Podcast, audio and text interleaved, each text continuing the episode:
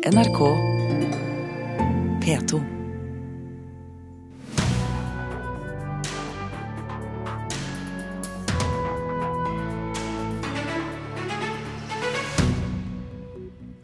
Tre av fire norske barn bruker YouTube ukentlig og eksponeres hyppig for reklame som kan være ulovlig. Det ligger an til store kutt i forsvarsmusikken. Venstre protesterer mot kuttene, Høyre forsvarer dem. Og norske kinoer jubler over billettsalget til Kongens nei, men kinokioskene fortviler. Eldre publikum kjøper mindre godteri. Og kanskje blir da kinokioskene reddet av Burning 2, som vi anmelder eh, senere her i eh, Kulturnytt. Mye av reklamen og produktplasseringen barn ser på YouTube kan være ulovlig. Det mener BI-forsker Monica Viken. Nye tall fra TNS Gallup viser at tre av fire norske barn under 18 år bruker YouTube ukentlig, og mye av det de ser på er reklamefinansiert. Blant annet hos eh, Norges største YouTube-stjerner, Prebz og Dennis. Disse barna har sittet time etter time foran skjermen og sett Preps og Dennis gjøre videostunts og spille Minecraft.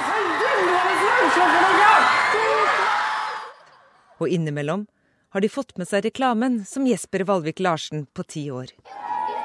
Det er en sånn dame som eh, driver og skriker og sånn. Sånn melkesjokolade. Endelig har Jesper fått sett sine forbilder live. Nå jakter han på en autograf. Køen er jo evig lang. Tre av fire norske barn under 18 år bruker YouTube ukentlig, viser ny rapport fra TNS Gallup. Vi lever jo av reklame. Det er det YouTube er. Det forteller Dennis Vareide til NRK Brennpunkt, men det er problematisk, synes han. Selv om vi ikke prøver å lage barnekontent, så er vi fullt klar over at det er masse barn å se på. Det kan man ikke se vekk fra, og det vet vi jo. Og det er jo et lite ansvar å tenke på det òg. Og da er det jo litt sånn eh, visse ting vi ikke gjør. Men denne reklamen kan være ulovlig, hevder ekspert på markedsføringsloven Monica Viken på BI. På TV er det forbudt med reklame rettet mot barn. På YouTube er det lov, men det skal være merket tydelig, sier BI-forskeren. Hun har sett mange eksempler som er ulovlige. Fordi det bakes inn i historier, det bakes inn i fortellinger, ting de gjør. Eh, de lager gøyale stunt eh, basert på produkter de har fått betalt for å reklamere for. Og det er ikke tydelig nok. Og det er klart at barna her, i tilfeller der de har et sånn heltforhold til eh, youtuberne, så, så, vil jo den tilliten være så sterk at de må være ekstra forsiktige. Forbrukerombudet er de som tolker og håndhever markedsføringsloven.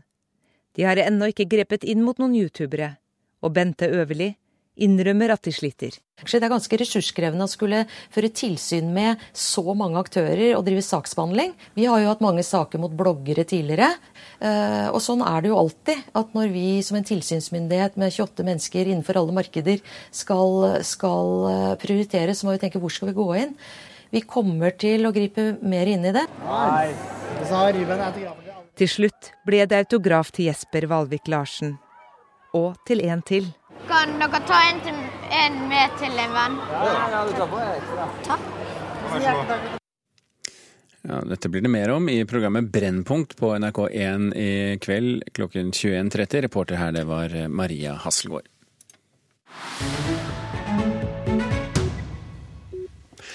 Forbrukerombudet er misfornøyd med kabelselskapene, reporter Oddvin Aune.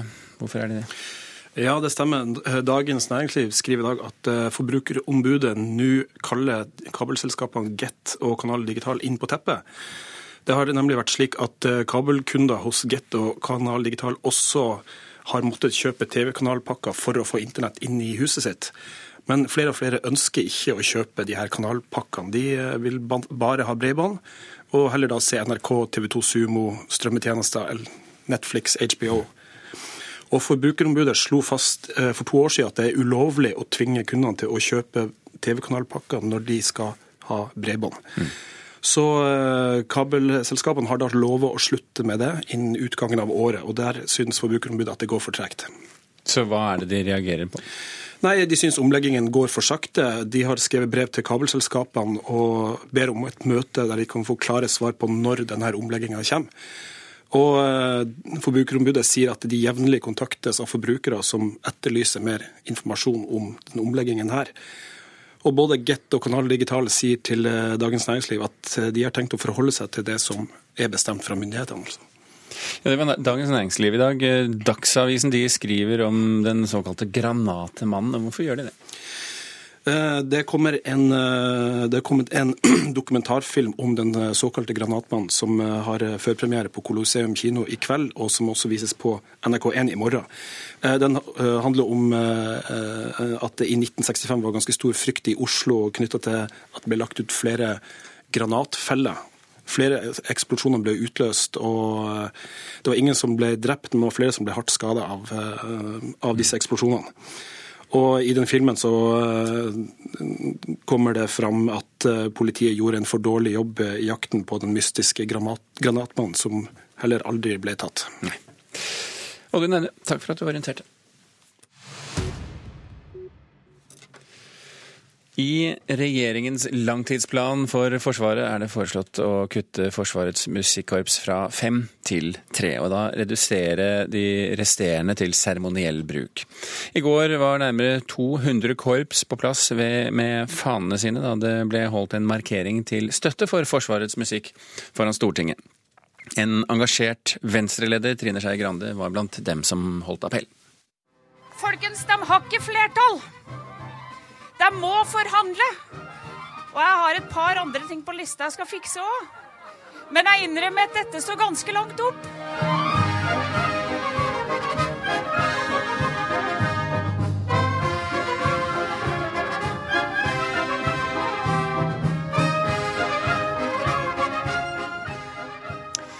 Sveinung Rotevatn, stortingsrepresentant i Venstre og medlem av forsvarskomiteen på Stortinget for Høyre, Elin Agdestein. Velkommen til Kulturnytt, begge to. Takk for det. Skal vi bare ha det sagt at uh, Rotevatn, du er altså i Nordfjordeid i vårt studio der, og Agdestein i Steinkjer, så hvis lytterne syns vi snakker litt i munnen på hverandre, så er det det som er årsaken. Rotevatn, hvorfor er det så viktig for Venstre å beholde alle de fem forsvarskorpsene? Jo, det er viktig for Venstre, fordi Forsvaret det er ikke bare kule og krutt. Forsvaret er også identitet. Det er lagene, og det er tradisjoner. Og da har vi en del viktige element som inngår i det. Um, og det er ting som medaljer, som seremonier, men også forsvarskorpsene våre. Eh, Forsvarskorpsene de er Forsvaret sitt ansikt utad i lokalsamfunn. De er Forsvaret sitt ansikt utad i nasjonale sammenhenger, og også internasjonalt. De holder et svært høyt nivå. Og det å begynne å kutte i dem nå, og ødelegge de fagmiljøene som finnes og som vi er stolte av, det mener Venstre er en veldig dårlig idé. Men uh, enhver person Rotevatn, som leser aviser med et halvt øye, ser at uh, Forsvaret klager på å være underfinansiert og til dels uh, i ferd med å bli ufunksjonelt. hva er da vitsen med å opprettholde korps når, når man penger, trenger penger til selve Forsvaret? Du må gjøre begge deler. Eh, Venstre har lagt fram en eh, plan for Forsvaret der vi gjør endringer i regjeringa sitt forslag. Der vi flytter på milliarder av kroner. Der vi styrker Hæren, der vi styrker Heimevernet og gjør mange ting. Men utgiftene til forsvarskorpset i den sammenhengen her, da snakker vi altså om promille. Men det er viktige penger, fordi dette her er snakk om eh, kompetansemiljø som er viktig for det lokale kulturlivet. Som instruktører, som dirigenter og ikke minst som inspirasjonskjelde. Fordi på samme måte som som unge fotballspillere i Trøndelag ser opp til Rosenborg, så ser faktisk også unge musikanter opp til Luftforsvarets musikkorps. Og det er ikke noe vi bør legge ned. Elin Agdestein, Høyre har jo lenge sagt at dere er for å bevare Forsvarets korps. Hvor, hvor ble det av det forsvaret, egentlig?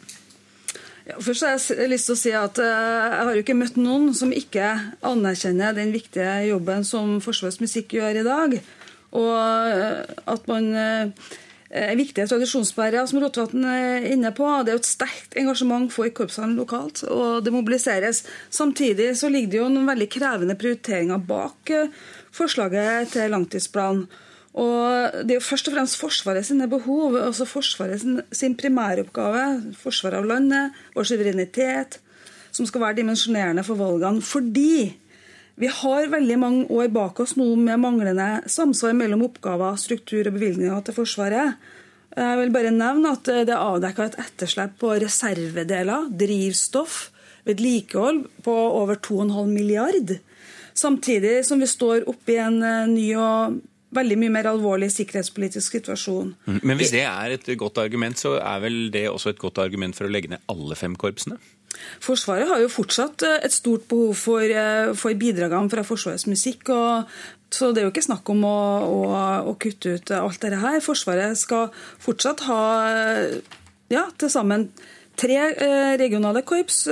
Hans Majestet Kongens Garde videreføres også Heimevernets musikk, mm. fordi man har oppgaver som skal ivaretas. Men, men, hvis det er sånn at Forsvaret ikke ser seg tjent med å opprettholde korpsen, er det et, en aktuell problemstilling, Rotevatn, å la eh, Kulturdepartementet ta regninga isteden? Jeg skal ikke utelukke at en kan finne en form for spleiselag her. for det er klart at Korpset har både en militær funksjon og også en mer direkte kulturretta eh, funksjon. Men jeg vil si at jeg er enig med det Agdestein sier i endringer som gjøres i Forsvaret. Men Venstre har altså i vårt alternativ klart å prioritere det. Å flytte på store penger, men samtidig bevare Forsvarskorpset. Det håper jeg at regjeringa vil la seg inspirere av og samarbeide med oss om. Nå la du den ballen jeg spilte til deg litt dø, dø litt fort, eh, Rotevatn. Eh, hva skal til for at, eh, at Kulturdepartementet og kulturbudsjettet kan hjelpe til med Forsvaret her? Nei, Det må jo eventuelt være at det er vilje til det da, fra politisk ledelse i, i regjeringspartiene. Og hva sier Venstre om det? Nei, jeg vil være åpen for det. Det viktige er jo at en klarer å, å bevare disse korpsene fordi eh, forsvarsmusikken altså de, de, drar til Afghanistan for å spille 'Deilig er jorden' for soldatene våre når det er jul. De spiller bønnesignal på Gardermoen eh, dersom noen kommer hjem i kiste. De spiller 'Ja, vi elsker' på 17. mai. Og alt det her det er ikke noe du kan erstatte med en CD-spiller. altså. Dette handler om en viktig tradisjonsbærer innad i Forsvaret, og det er en viktig del av Forsvaret. Agdestein, eh, hva syns du om å la eh, Kulturdepartementets budsjett bidra her? Ja, altså, Det blir jo ikke noe mer penger av at Kulturdepartementet overtar. Jeg tror det er viktig, eh, gitt at eh, forsvarsmusikken fortsatt skal ha en betydelig rolle innad i Forsvaret, at eh, man bevarer den tette koblinga mellom Forsvaret og, og kulturinstitusjonene. Fordi det er jo, som, som, flere har sagt, ikke sant, det her med det seremonielle bidragene på høytidsdager osv. en veldig viktig del av identiteten til Forsvarets musikk. Så, så den ser vi. Det skal, unnskyld, Rotevatn, jeg er nødt til å begrense deg litt nå. Det skal debatteres videre uh, i mer formelle ordelag, så takk for at dere var med i denne omgang. Uh, Agdestein, uh, Elin Agdestein og Sveinung Rotevatn. Klokken har passert 16 minutter over åtte. Du hører på Kulturnytt. Dette er eh, toppsakene i Nyhetsmorgen nå. Regjeringen foreslår et sterkere vern for varslere, men Politiets Fellesforbund advarer fortsatt medlemmene mot å varsle om kritikkverdige forhold før det kommer et varslerombud. Økt boligbygging kan føre til et boligkrakk, advarer Handelsbanken, som ber politikerne overse ropene fra boligbyggerne om flere tomter. Og Norsk Lokomotivmannsforbund vurderer å trappe opp streiken allerede i slutten av denne uken, sier forbudsledelsen til VG. 118 lokførere er nå tatt ut i streik. Norsk faglitterær forfatter- og oversetterforening ønsker forhandlinger om bedre avtaler og høyere royalties for norske sakprosaforfattere. I helgen skrev Dagens Næringsliv at Gyldendal Forlag skal ha gitt Jens Stoltenberg spesialbehandling ved å gi ham en høyere royaltysats enn det som er avtalt mellom norske forlag. Det viser at det er behov for bedre vilkår for sakprosaforfatterne, sier generalsekretær i NFF, Tore Slåtta. Vi ønsker i utgangspunktet de samme vilkårene som de skjønnlitterære forfatterne har. Ønsket har vært der lenge, men nå er timingen god for generalsekretær Tore Slåtta i Norsk faglitterær forfatter- og oversetterforening, NFF. For etter at det ble kjent at Jens Stoltenberg skal ha avtalt en eksklusiv royaltysats med Gyllendal forlag for biografien sin, vil sakprosaforfatterne nå ta opp kampen for dagens royaltyvilkår. Saken viser at forlagene har økonomi til eh, å belønne de bestselgende forfatterne sine. Vi har sett eh, over lengre tid at det er et problem at eh, faglitterære forfattere har dårligere royaltysatser enn de skjønnlitterære forfatterne. Og Samtidig så ser vi jo at eh, mange av de bestselgende forfatterne er våre forfattere. Dagens royalty-satser for sakprosaforfattere er fastsatt i en fellesavtale mellom NFF og Den norske forleggerforening. Og administrerende direktør i Den norske forleggerforening, Kristen Einarsson, sier han gjerne vil sette seg ned med NFF rundt forhandlingsbordet. Vi er eh, alltid villige til å ha dialog med våre avtalepartnere. og hvis det er ønskelig. Og eh, hvis man vil sette seg ned og drøfte avtalevilkårene, så vil jo vi eh, fremme de nødvendige krav vi mener man må få endret for at forleggeriet skal kunne utvikles på et ordentlig vis. Og hvis da forfatterne har en annen tilnærming, så må vi sette oss ned og drøfte Eh, virkeligheten, og så drøfte da hva som eventuelt bør gjøres av endringer. Per i dag forhandler NFFs forfattere ut ifra en normalkontrakt på 13% royalty for et opplag på 3000 eksemplarer.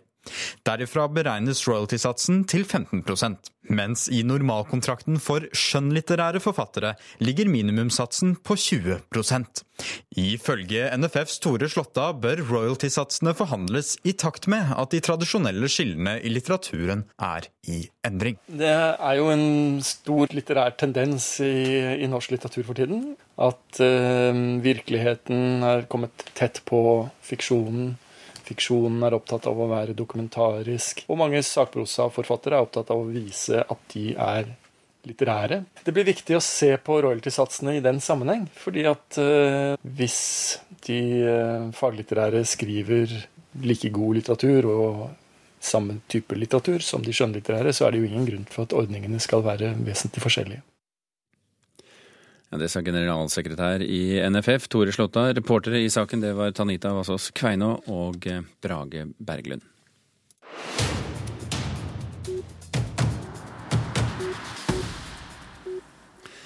Det er blandet fryd for kinoene at 'Kongens nei' er blitt årets mest sette film allerede, etter bare to uh, uker på lerretet. Drøye to uker på lerretet. For publikum som strømmer til for å se denne historien om kong, o kong Haakon som sto opp mot tyskerne, de kjøper nemlig mindre godteri og snacks i kiosken enn publikum på andre filmer. Og det kan faktisk gå utover investeringene i Kino-Norge. Vi skal se på Kongens nei. Bestefar! Du gjør meg. Finn deg to piene. Mer enn 420 000 har så langt gått på kino for å se Erik Poppes krigsepos. Men filmen er ikke en popkornfilm. Når vi besøker Ringen kino i Oslo før en seniorvisning, er det stille i kiosken. Espen Lundberg Pedersen er salgs- og driftsdirektør i Nordisk Film Kino. Han forklarer hvorfor. 'Kongens nei' er en eh, film som trekker veldig mange som til vanlig ikke går på kino, eh, til kinosalene. Eh, og Det vi har opplevd nå, det er at de nødvendigvis ikke benytter seg av det tilbudet som er i kioskene.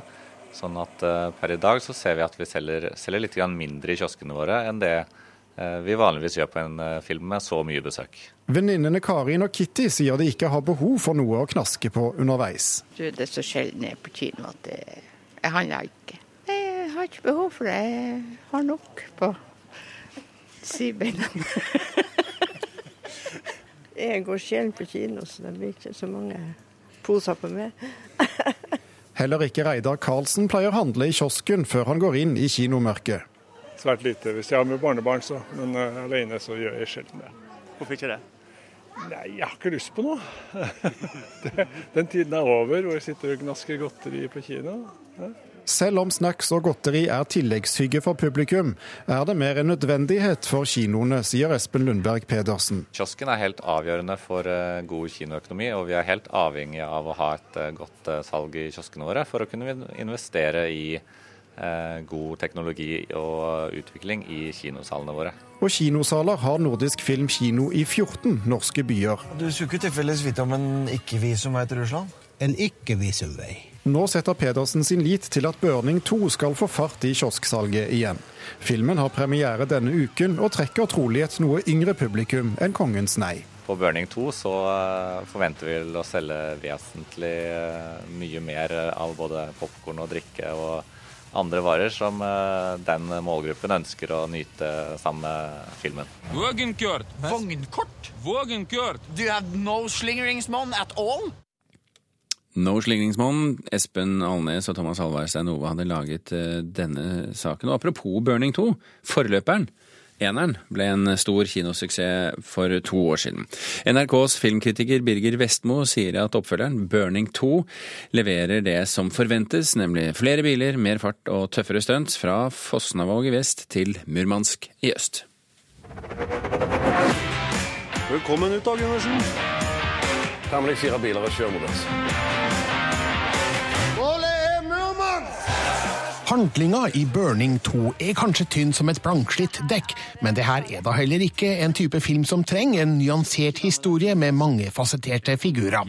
Det her er en reinspikka actionkomedie basert på velkjente sjangerelementer, og filmen fungerer best når regissør Halvard Brein bruker dem til fulle med en norsk vri. Moroa har en tendens til å stoppe opp når det dveles litt for lenge ved mellommenneskelige forhold, der tonen krasjer med den ellers gjennomgående lettheten. Heldigvis leverer Burning 2 mest av det som forventes, nemlig flere biler, mer fart og tøffere stunts, slik at oppfølgeren er på høyde med originalen. Det her er eh, Charlie, typen min. Nina skal ikke være med deg til Murmansk. Roy, spilt av Anders Baasmo Christiansen, slipper ut av fengsel etter hendelsene i den første filmens ulovlige billøp til Nordkapp. Nå forsøker han å bli lovlydig, men når dattera Nina, spilt av Ida Husøy, blir med den nye kjæresten Charlie, spilt av Jonas Hoff Oftebro, på et billøp fra Fosnavåg til Murmansk, blir Roy nødt til å følge etter. Og han blir ikke ensom, for både eksen Ingrid, spilt av Marie Blokhus, Nybakken, spilt av Otto Jespersen, Doffen, spilt av Sven Nordin, og politietterforsker Mørk, spilt av Henrik Mestad, blir involvert i løpet. Mørk! Philip Mørk, spesial. Special unit. Historien om Maren som forsøker å bli lovlydig, men blir lokka tilbake til sitt gamle miljø, er velbrukt. Det er ikke her at Burning 2 utviser originalitet, ei heller med stilig filming og heftig lydlegging av lekre biler i høy hastighet, alt gjort med høy kvalitet. Nei, det er bruken av uvante innspillingssteder som gir Burning 2 et snev av originalitet. Fosnavåg, Oppdal og Kirkenes viser seg som utmerkede arenaer for en bilfilm av denne typen. Originalt er det òg å sette handlinga til vinteren, som gir fartsfylt moro på snø og is. Kjøringa er tøff og i enkelte tilfeller direkte spektakulær, med en skibakke i Oppdal og kappløp med en isbryter som høydepunkter. Vet du hva problemet ditt er, da? Du er ressurssvak. Persongalleriet i filmen er jevnt over godt, med Anders Baasmo Christiansen som gjennomført harrygutt med undertrykte kjøreabstinenser, Vegard Hoel som akkurat passer slesk hovedkonkurrent, Marie Blokhus som hysterisk mor, med god grunn, og Ida Husøy som opprørsk tenåringsdatter. Men også denne gangen er det morsomst å følge Otto Jespersen og Sven Nordin, som henholdsvis Nybakken og Doffen, som har et litt anstrengt forhold til hverandre etter forrige films sluttscene. Historien i Burning 2 har kanskje noen tonale ujevnheter, og humoren sitter ikke like godt hele veien, men den har fine figurer som det går an å ha mer moro med. Norge har flere veier som det går an å kjøre bil på. Du skulle ikke tilfeldigvis vite om en ikke-visumvei til Russland? En ikke-visumvei. Skal vi si rundt Femunden som eh, åsted for Burning 3? Det er herved et forslag. Burning 2 i hvert fall, anmeldt av eh, Birger Vestmo. I fjor ble Malika Bayan kastet på dør av frisør Merete Hodne. Bakgrunnen for saken er at Bayan hadde på seg hijab, noe Hodne ikke kunne akseptere i frisørsalongen sin. 8.9 ble hun dømt til å betale 15 000 kroner for å ha diskriminert Bayan i Jæren tingrett. Dommen har hun anket. Likevel møttes de to til debatt i går kveld i et forsøk på å forstå hverandres kultur. Nærmere 400 personer møtte opp for å høre på debattene om hijab og nikab mellom Merete Hodne og Maluka Bayan under gårsdagens folkemøte i Larvik. For Bayan var dette en fin mulighet til å kunne oppnå felles forståelse. Jeg syns det er viktig å stå for det jeg tror på, men så syns jeg òg det er viktig å skape kommunikasjon. Fordi vi er fra to helt forskjellige ståsteder, og jeg tror at det, kommunikasjon er nøkkelen og forståelse for hverandre. For vi kan forstå litt hvor den ene personen kommer fra og hva vi vil fram til. For frisør Merete Hodne var det viktig å få frem flere hovedbudskaper under debatten. Vi må forby alt som heter kvinnediskriminering. Kvinnediskriminerende plagg, symbol. Ehm, Det er vel det som er hovedsaken. Og så ligger det jo en undertone da med muhammedanisme, med den totalitære ideologien. Så kommer vi til å ødelegge hele verden til slutt, og er på veldig god vei. Og nå må snart eh, politikere, og ikke minst media, må våkne og se hva galskap som holder på å skje. For jeg er fire unger, jeg er livredd for framtida til dem, og jeg regner med de fleste andre òg har unger. Pga. det kontroversielle temaet var det også ekstra personell hentet inn. En egen vaktstyrke bevoktet inngangen, andre var til stede i salen, og i tillegg var det en egen patrulje utenfor lokalet. Men forstår du også at uh, noen reagerer når du sier det du sier nå? De bør ikke gjøre det. De bør faktisk sjekke opp i hva jeg sier, og se om ja, rett og slett finne ut om jeg har rett. Det bør de gjøre, for ungene, sine egne unger og etterkommere sin del. Merete Hodne tror ikke at debatten vil ha noe å si for henne juridisk. 8.9 ble hun dømt til å betale 15 000 kroner for å ha diskriminert Bayan, men har anket dommen. Nei, jeg tror ikke det har noe, noe, å si. Altså, jeg er jo ikke noe problem med, med Malika, det er ikke hun jeg det er, det er ikke hun jeg føler er min, min fiende eller min kamp. Det er jo uh, muhammedanismen. Så uh, jeg uh, vet jo litt bakgrunnen til Malika et, etter hvert. Jeg visste jo ikke hvem hun var når hun kom, ble stoppet i salongen, men jeg ønsker jo Malika bare det beste. Hvordan er det å stå ved siden av hverandre? Helt greit. Jeg har ingenting imot det. Jeg har ingenting imot hun som person.